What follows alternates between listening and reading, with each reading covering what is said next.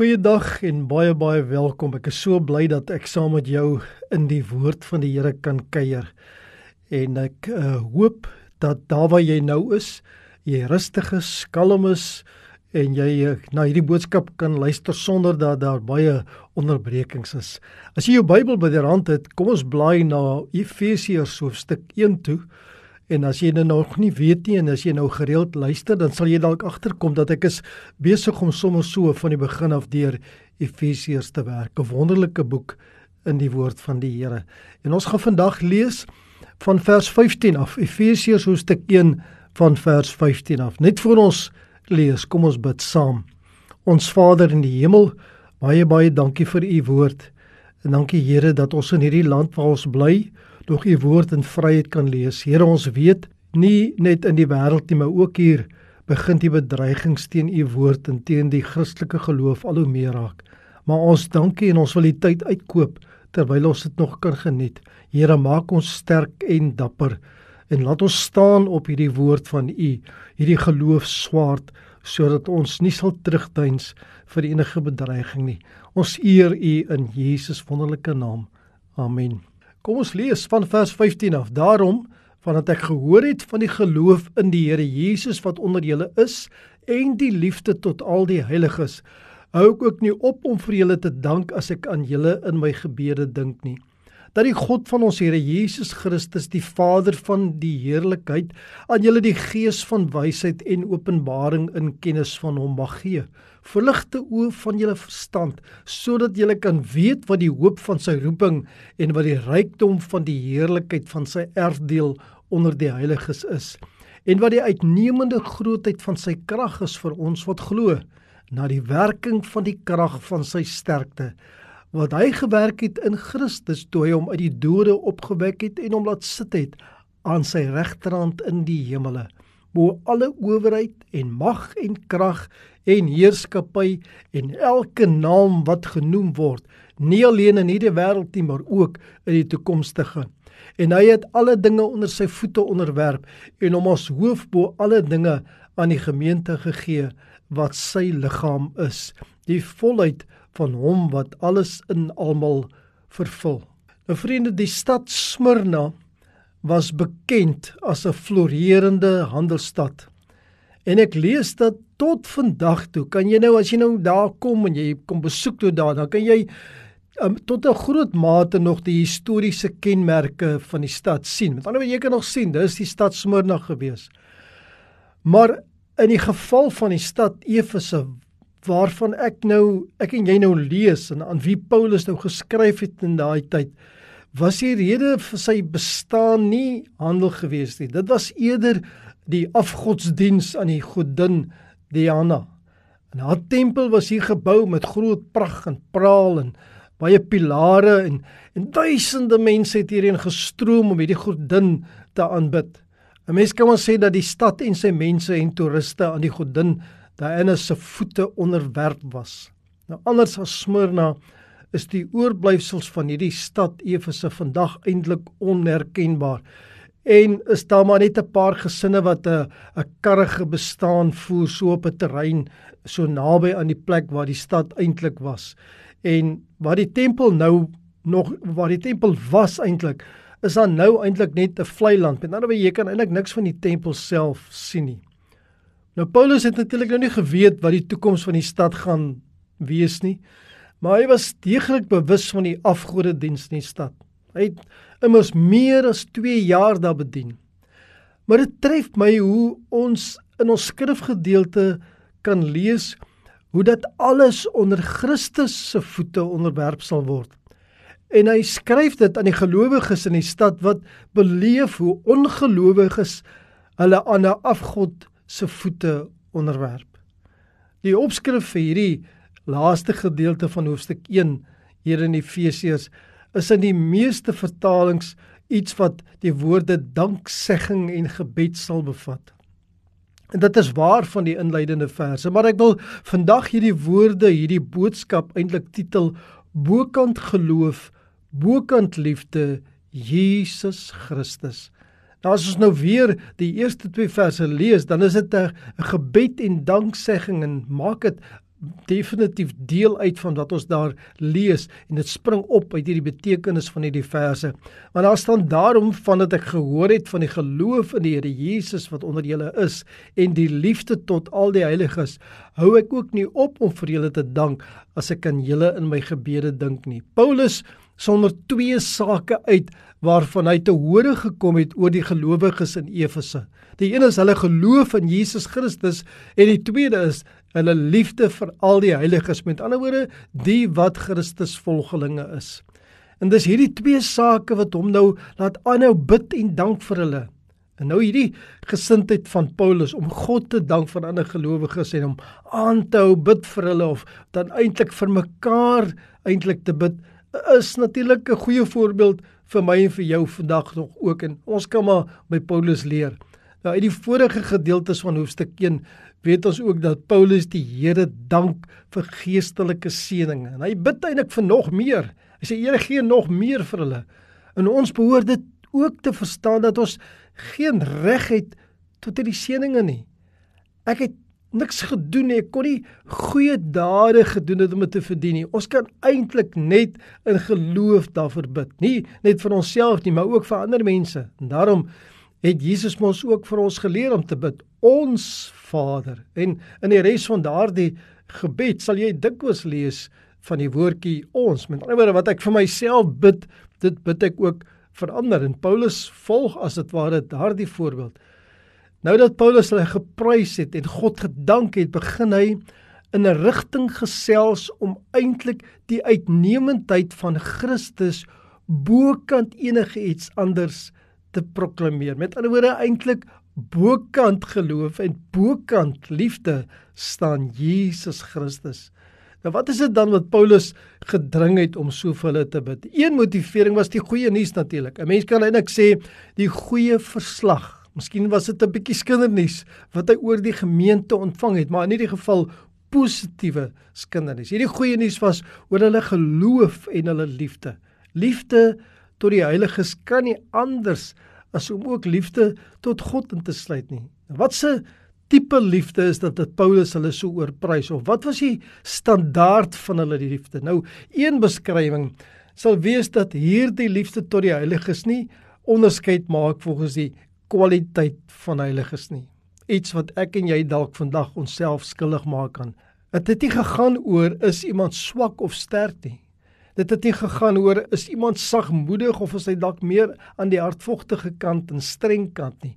Is iemand baie vriendelik of miskien is hy meer 'n besadigde en 'n mens kan dalk selfs dink die persoon is onvriendelik. Hierdie liefde vir medegelowiges is, is eintlik onverwaardelik. En en Paulus moes op 'n of ander manier waarskynlik beleef het dat dit is hoe hulle liefde vir mekaar gelyk het. En nog 'n motivering vir Paulus se dink aan hulle in sy gebede is dat hy weet dat hulle die onderpand van hul erfenis ontvang het. As jy nou teruggaan na na vers 15 toe, dan begin dit met daarom. En dit verwys eintlik terug na vers 14 toe waar ons lees wat die onderpand is van ons erfdeel om sy eiendom te verlos tot lof van sy heerlikheid.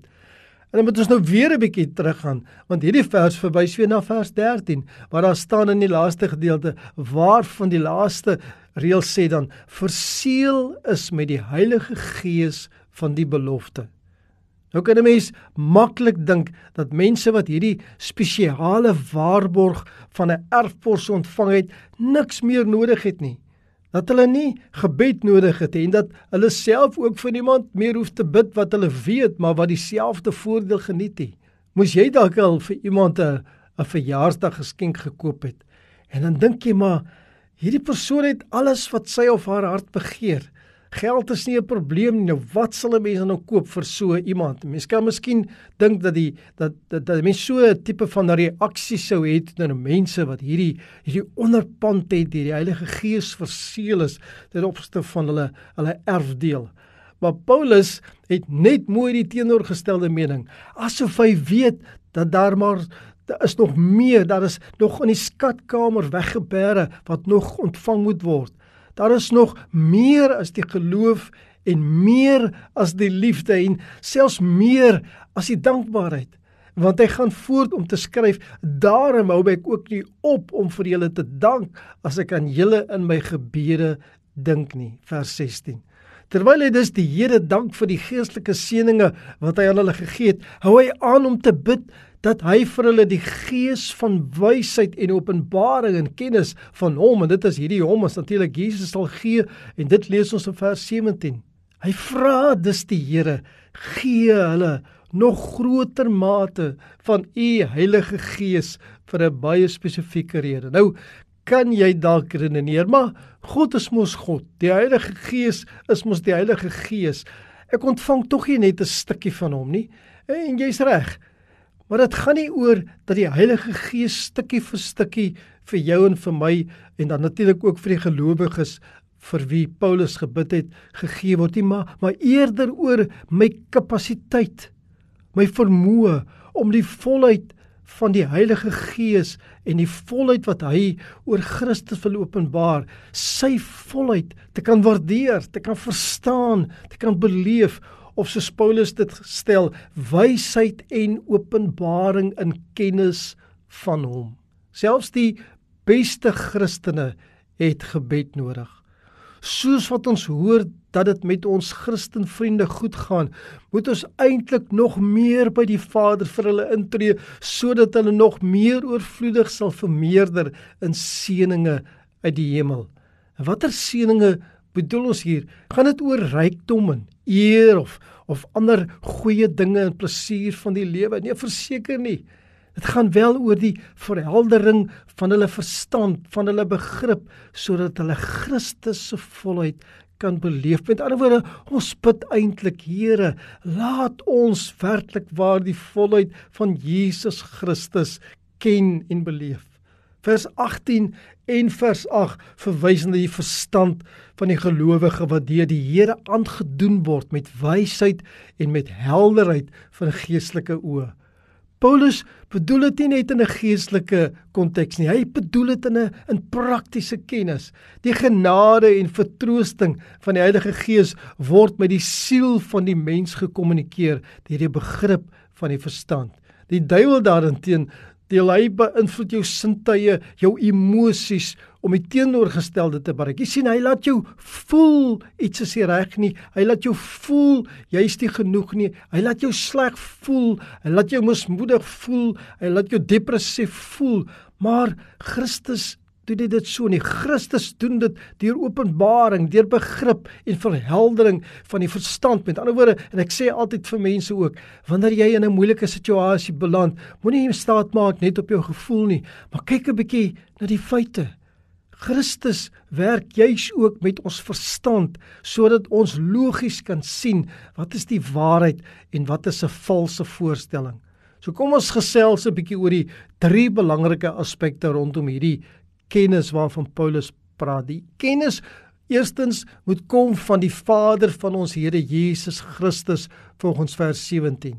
Sien die Here is 'n God van kennis en daar is geen ander ware bron van kennis. Ek meen hy is hy's immers die skepper. Dis dis hy wat eintlik alwetend is oor alles wat ek en jy beleef, wat ons sien, wat ons besit, wat ons om ons kan waarneem. Die Here is 'n ewige God van heerlikheid en alle heerlikheid van sy skepsels kom hom toe. Nou gee hy ook kennis deur die gees van kennis te gee. Die Heilige Gees is die leermeester van die heiliges. Hy is die gees van wysheid en openbaring. Ons het die openbaring van die Gees in die woord van God, maar ons moet ook die wysheid van die Gees in ons hart hê om die woord te kan verstaan. Sonder die Heilige Gees wat die sluier van ons menslike harte kom verwyder, kom oplig as dit ware kom skeur soos daai voorhangsel van die tempel, sal ons nooit kan groei in ons geloof in God en begrip van die woord nie. Ons kennis moet word erkenning van Christus se autoriteit deur 'n gehoorsame aanpassing by hom. En ons kan dit net doen deur die hulp van die Heilige Gees van wysheid en openbaring. Net dan kan ek waarlik volg in die spore van Jesus, sy disipel wees, waarlik waar kort op sy hakke bly en nie afdry nie, maar hom volg net waarheen hy my lei. En dan in die tweede plek Waarin is dit wat Paulus spesifiek wil hê dat hulle moet groei in hulle kennis? Vers 18 praat van die hoop van sy roeping.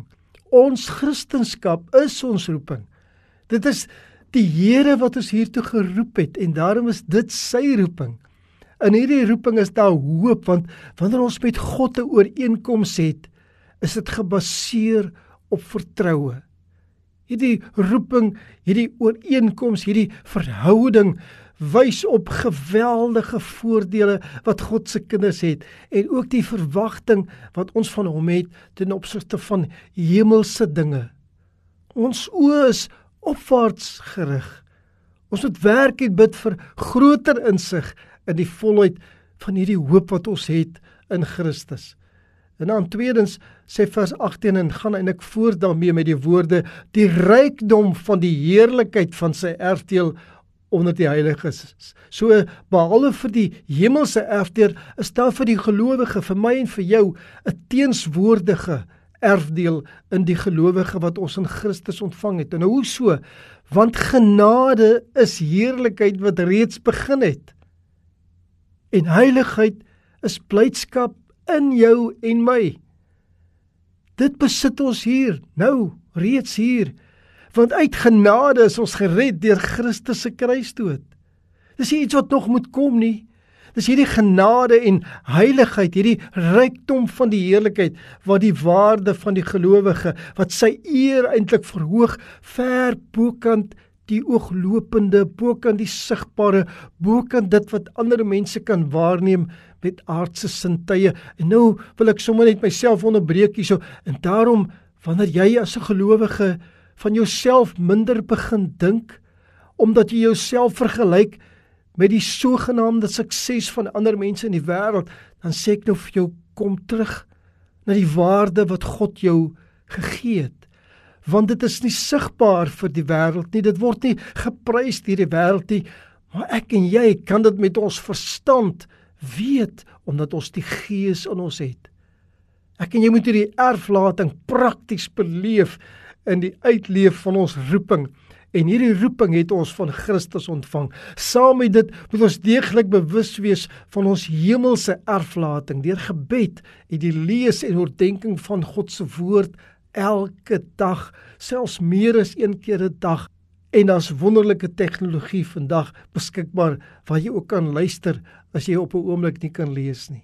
En dan die derde ere vers 19 lees en wat die uitnemende grootheid van sy krag is vir ons wat glo na die werking van die krag van sy sterkte met ander woorde die derde saak wat ons kan dink maar dit is wat Paulus oorbid dat dit moet vermeerder is in die gelowige se geloof in 'n algenoegsame God en die almagtige goddelike genade is absoluut noodsaaklik vir 'n intieme verhouding vir 'n stap saam met die Here Dit vereis steeds 'n praktiese uitlewing van my geloof waar ek hierdie genade eerstehands ervaar en nie net daarvan lees of by ander mense daarvan hoor nie. Dis hierdie genade wat die werk van geloof in ons gees begin en volbring want ek beleef dit ek kan getuig van God se genade.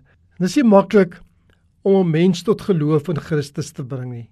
En dat so 'n mens homself nou geheel en al verlaat met ander woorde in Jesus se woorde ook kruis opneem en self verloon oorgee soos die Engelse woordjie sê surrender aan die geregtigheid van Christus en die hoop van die ewige lewe nie. Dis nie maklik nie. Jy as jy al ooit met iemand wou praat oor die woord van die Here wat wat nog in sonde lewe, dan sal jy weet dit dis maar 'n veg. Dis 'n bietjie van 'n beklei, dis 'n redenasie, dis baie gebed, soms trane. Dit is die almagtige krag van God wat dit in ons bewerkstellig. Efesiërs 1:20 sê beskryf eintlik juis hierdie krag wat as wat hy gewerk het in Christus toe hy hom uit die dode opgewek het en hom laat sit het aan sy regterhand in die hemele. Dis waarlik die bewys van die waarheid van die evangelie vir die wêreld. Maar vir onsself was die bewys ons heiligmaking, ons redding en ons opstanding uit die dood van sonde in ooreenstemming met die opstanding van Christus. Nou Paulus het 'n vraag beantwoord oor watter sake ons in kennis moet groei. En dit het, het hy nou gefokus vir die goeie karaktertrekke, naamlik ons geloof en ons liefde op die verhoogde Christus kom plaas. Met ander woorde, hy skuif eintlik die kollig van die geloof en die liefde wat goeie nuus was oor die gemeente, skuif hy nou en hy sê eintlik vir hulle sonder dat hy direk dit sê, maar daar is nog meer as dit. Daar is hierdie Jesus Christus wat aan die regterhand van God sit. Vers 20 sê wat hy gewerk het in Christus toe hy hom uit die dode opgewek het en luister hierna en hom laat sit het aan sy regterhand in die hemele vers 21 bo alle owerheid en mag en krag en heerskappy en elke naam wat genoem kan word nie alleen in hierdie wêreld nie maar ook in die toekomstige Jy sien alles in die huidige wêreld en alles in die toekomstige wêreld het die Vader onder Jesus se voete gewerp. Net so verklaar vers 22 en hy het alle dinge onder sy voete onderwerp en hom as die hoof bo alle dinge aan die gemeente gegee.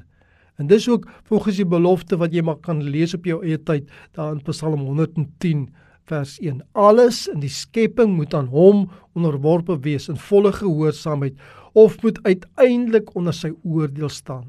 Dis die keuse wat elke saak, elke deel van die skepping gaan maak, veral ek en jy as die mensdom. Vir Christus gee die Vader die kerk as 'n geskenk want hy is ook ons middelaar. Hy is die middelaar van die mens, die middelaar van die kerk. En vir die kerk is Christus gegee as die hoof.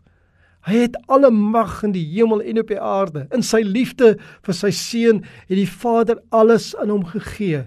Jesus Christus het die kerk net so lief soos wat die Vader die Seun gehad het, want die kerk is sommer sy liggaam, so bevestig vers 23, wat sy liggaam is, die volheid van hom wat alles in almal vervul. Luister mooi, luister mooi vandag. Die kerk is Christus se volheid. Ons het begin deur bewus te wees van hoe daar in Efese alle sonde, alles wat bestaan, al die mense, alles was onder die voete van die godin Diana gewerp. Dit is alles vernietig. Dis vandag omtrent nie eens meer sigbaar nie. Paulus het nie ontvang oor die gemeente se geloof in Christus en hulle liefde vir die heiliges, maar dan gaan hy voort om hulle te wys dat dit eintlik Christus is wat bokant alles is. Bokant geloof, bokant liefde, is daar Christus. Sonder hom bestaan geloof en liefde nie. En ek en jy moet vandag as Christene weer ons naam gestaan doen. Ek en jy moet weer die naam Christen ag volgens die een wie se naam ons dra, hierdie Jesus Christus. Vandag hoor 'n mens baie keer nee, ek wil nie meer 'n Christen genoem word nie om verstaanbare redes, maar ek en jy Ons wat onsself Christene noem, ons moet weer kom sê nee, ek doen nie afstand van hierdie naam nie. Maar ek moet weer leef volgens hierdie naam. Ek moet weer alles ondergeskik maak aan Jesus Christus. Ek moet weer alles onderwerp aan sy voete en nie aan enige iets wat hierdie wêreld wil kom aanbied wat eintlik 'n swart merk op die naam Christen wil kom maak nie. Kom ons bid saam. Hemelse Vader, Baie dankie dat U vir ons U seun Jesus Christus gegee het as die hoof van die kerk. Here, dankie dat ons kan staat maak op dieselfde krag waarmee U hom uit die dood opgewek het, dat ons deel kan wees van daardie krag omdat U ons laat opstaan het in die dood van die sonde. Here, maar dat ons ook die ewige hoop het dat ons sal opstaan ook uit die natuurlike dood sodat ons vir ewig saam met U sal lewe dankie Here dat U vir ons hemelse seëninge in oorvloed gee. Vandag bid ek Here vir elke persoon wat nou hier luister. Here wat smag na hemelse seëninge, bid ek Here, kom gee U hemelse seëninge. Kom voorsien U daarin.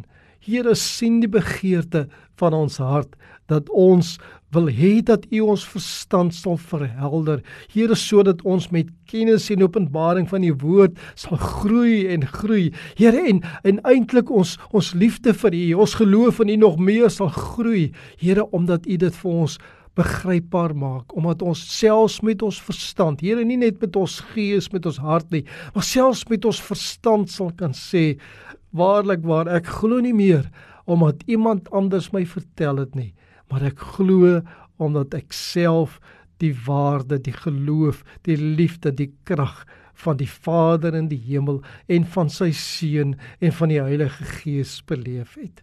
Ons bid dit in Jesus wonderlike naam. Amen.